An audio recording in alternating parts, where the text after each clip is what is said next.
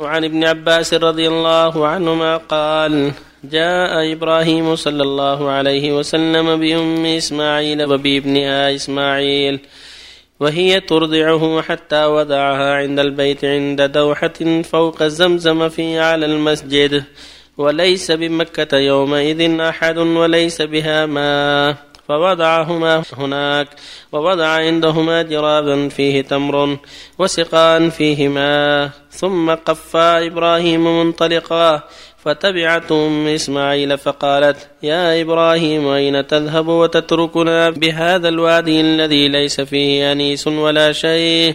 فقالت له ذلك مرارا وجعل لا يلتفت إليها قالت له آه الله أمرك بهذا؟ قال نعم. قالت إذا لا يضيعنا. ثم رجعت فانطلق إبراهيم صلى الله عليه وسلم حتى إذا كان عند الثنية حيث لا يرونه. استقبل بوجهه البيت ثم دعا بهؤلاء الدعوات فرفع يديه فقال رب إني أسكنت من ذريتي بواد غير ذي زرع. حتى بلغ يشكرون وجعلت أم إسماعيل ترضع إسماعيل وتشرب من ذلك الماء حتى إذا نفد ما في السقاء عطشت وعطش ابنها وجعلت تنظر إليه يتلوى أو قال يتلبط فانطلقت كراهية أن تنظر إليه فوجدت الصفا أقرب جبل في الأرض يليها فقامت عليه ثم استقبلت الوادي تنظر حتى ترى أحدا. فلم ترى أحدا فهبطت من الصفا حتى إذا بلغت الوادي رفعت طرف درعها ثم سعت سعى الإنسان المجهود حتى جاوزت الوادي ثم أتت المروة فقامت عليها فنظرت هل ترى أحدا فلم ترى أحدا ففعلت ذلك سبع مرات. قال ابن عباس رضي الله عنهما قال النبي صلى الله عليه وسلم فذلك سعي الناس بينهما فلما أشرفت على المروة سمعت صوتا فقالت صه تريد نفسها ثم تسمعت فسمعت أيضا فقالت قد أسمعت إذا إن كان عندك غواث فإذا هي بالملك عند موضع زمزم. فبحث بعقبه أو قال بجناحه حتى ظهر الماء.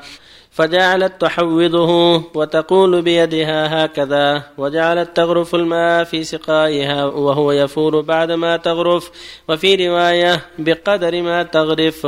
قال ابن عباس رضي الله عنهما قال النبي صلى الله عليه وسلم رحم الله أم إسماعيل لو تركت زمزم أو قال لو لم تغرف من الماء لكان الزمزم عينا معينا قال فشربت وأرضعت ولدها فقال لها الملك لا تخاف الضيعة فإنها هنا بيتا لله يبنيه هذا الغلام وأبوه وإن الله لا يضيع أهله. وكان البيت مرتفعا من الأرض كالرابية تأتيه السيول فتأخذ عن يمينه وعن شماله. فكانت كذلك حتى مرت بهم رفقة من جرهم أو أهل بيت من جرهم مقبلين من طريق كذا. فنزلوا في أسفل مكة. فرأوا طائرا عائفا فقالوا إن هذا الطائر ليدور على ماء. لعهدنا بهذا الوادي وما فيه ماء فأرسلوا جريا أو جريين فإذا هم بالماء فرجعوا فأخبروهم فأقبلوا وأم إسماعيل عند الماء فقالوا وتأذنين لنا أن ننزل عندك؟ قالت نعم ولكن لا حق لكم في الماء. قالوا نعم. قال ابن عباس رضي الله عنهما قال النبي صلى الله عليه وسلم فألفى ذلك أم إسماعيل وهي تحب الأنس. فنزلوا فأرسلوا إلى أهليهم فنزلوا معهم حتى إذا كانوا بها أهل أبيات وشب الغلام وتعلم العربية منهم وأنفسهم وأعجبهم حين شب.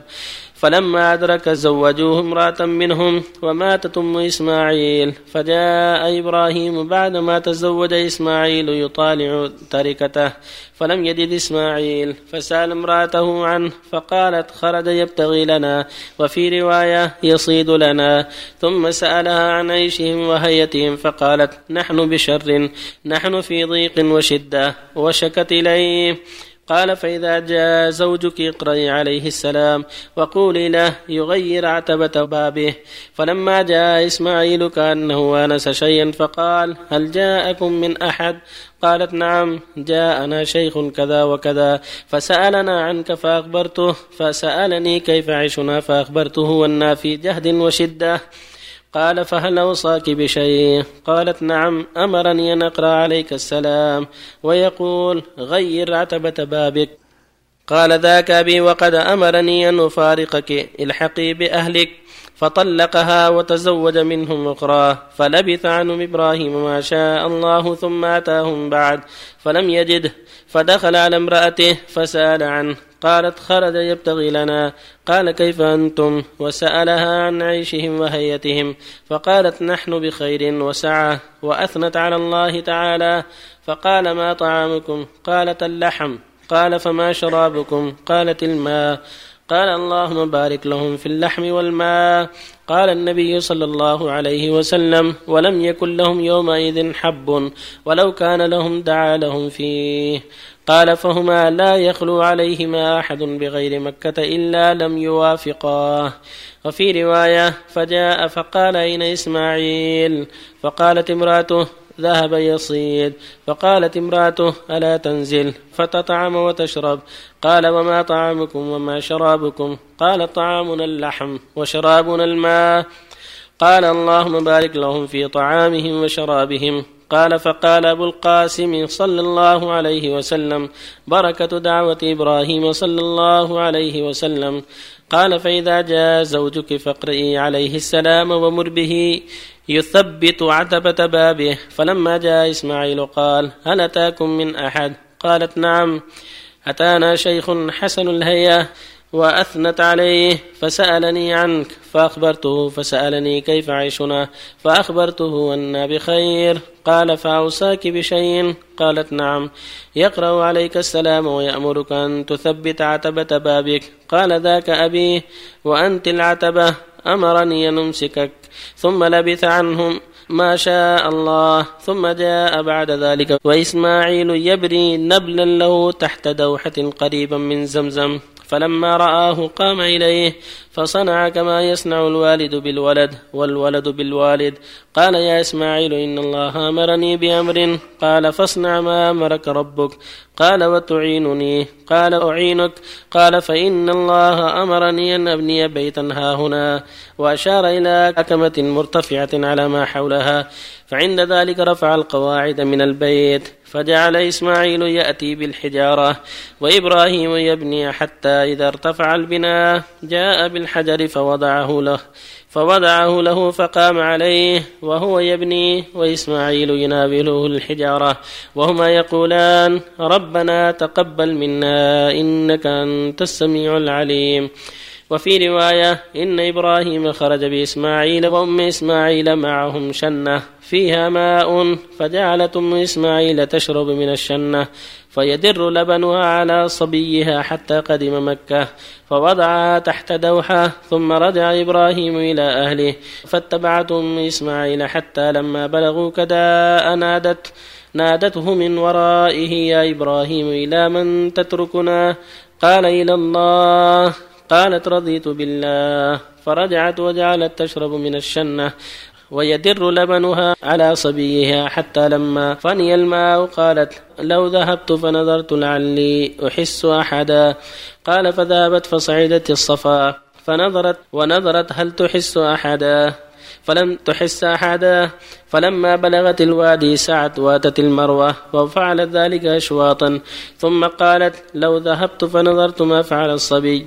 فذهبت ونظرت فإذا هو على حاله كأنه ينشغل الموت فلما تقرها نفسها فقالت لو ذهبت فنظرت لعلي أحس أحدا. فذهبت فصعدت الصفا. فنظرت ونظرت فلم تحس أحدا حتى تم السبعة ثم قالت لو ذهبت فنظرت ما فعل. فإذا هي بصوت فقالت أغث إن كان عندك خير. فإذا جبريل صلى الله عليه وسلم فقال بعقبه هكذا وغمز بعقبه على الأرض فانبثق الماء فدهشت أم إسماعيل فجعلت تحفن وذكر الحديث بطوله. رواه البخاري بهذه الروايات كلها. وعن سعيد بن زيد رضي الله عنه قال سمعت رسول الله صلى الله عليه وسلم يقول الكمة من المن وماؤها شفاء للعين. متفق عليه.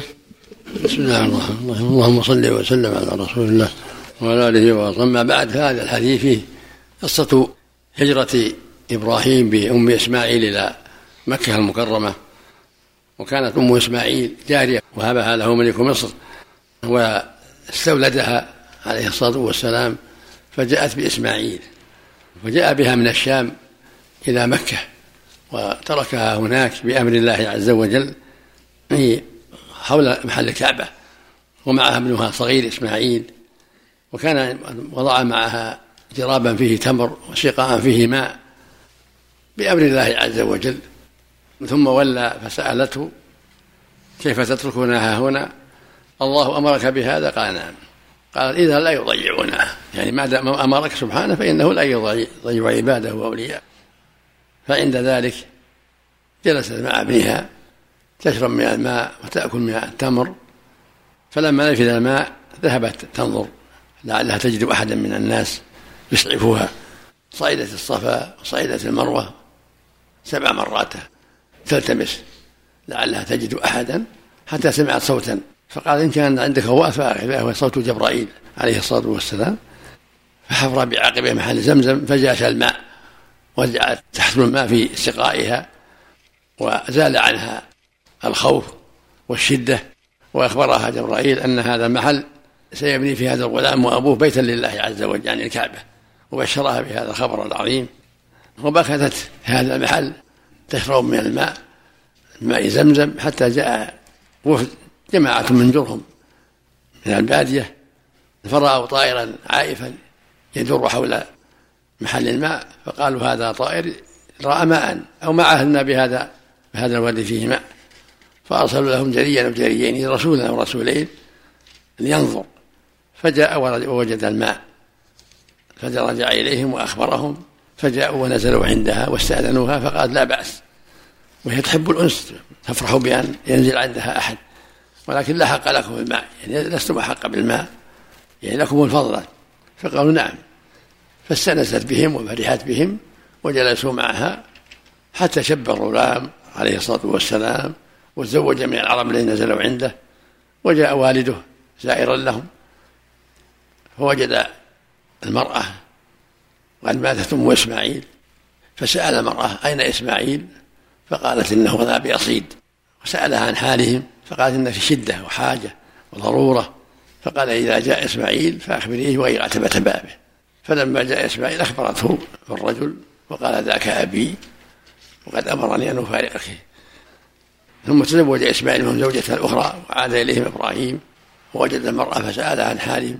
فذكرت خيرا وأثنت خيرا وطلب منه الجلوس وأن يأكل ويشرب. فجلس وسألها عن إسماعيل فقالت إنه ذهب يصيد. فقال أخبريه إذا جاء. أقرئه السلام وخبريه وثبت عتبة بابه. فأخبرته فقال أنت العتبة وقد أمرني ألا افارقك وهذا خبر موقوف على ابن عباس وله وفيه أشياء مرفوعة عن النبي صلى الله عليه وسلم أنه قال لو تركت الماء كان عينا معينا وقال في السعي وذاك ذاك السعي إنه بسبب سعي ام اسماعيل الله شرع لعباده السعي في الطواف والعمر السعي في الحج والعمرة. تذكيرا بهذا المقام وطاعة لله وعبادة له وتقربا إليه سبحانه وتعالى. وجعله من أنساك الحج والعمرة الطواف والسعي. وفي هذا أن الله يبتلي عباده بالسراء والضراء. ابتلى إبراهيم بأن أمره أن ينقل إسماعيل في هذا المحل البعيد الغريب. وابتلى إسماعيل وأمه بذلك. وهو سبحانه الحكيم العليم فيما يقضيه ويقدر. له الحكمة البالغة جل وعلا. وصارت العاقبة حميدة لإسماعيل وأم إسماعيل وللمسلمين. أما حديث سامة بن سعيد بن زيد قال صلى الله عليه وسلم الكمة من المن وماءه شفاء فالكمة ينفجع المعروف. وماؤه مما يعالج به مرض العين. من جنس المن الذي أعطاه الله بني إسرائيل. يعني أنه طعام يشبه المن. طعام جيد. يشبه المن الذي أنزله الله على بني إسرائيل لما كانوا في التيه وهو طعام جيد ومفيد وفيه فائدة من جهة الطب في علاج العين. وهذا شيء يعرفه الأطباء ويقدرون هذه الفائدة العظيمة. والله ولي التوفيق. نعم. حين يتزوج الإنسان يجد من زوجته ضيق وضنك وقلة مال وفقر. هل يفعل كفعل مثل ما قال صلى الله عليه وسلم الشؤم في ثلاث المرأة والبيت والفرس إلى رجل سنة رواه البخاري في الصحيح. في الغالب الناس ما يعيشون على الماء واللحم هذا مراد أثر ابن عباس والأثر والظاهر أنه إما تلقاه عن غيره من الصحابة أو عن بعض من سبق من الأمم إنما فيه كلمات قليلة مرفوعة. من بني إسرائيل؟ أليست هي الطيور أصلا من بني إسرائيل؟ أليست هي الطيور؟ من هي السلوى. والمن غير السلوى. السلوى طائر والمن مثل الشحم. حلو شيء حلو ينزل منه. ينزل يأخذونه من الشجر. كالشحم وكالحلوى. شكوى الحال إلى الخلق. زكاة أو مساعدة ما يخالف إذا كان محتاج ما في بأس.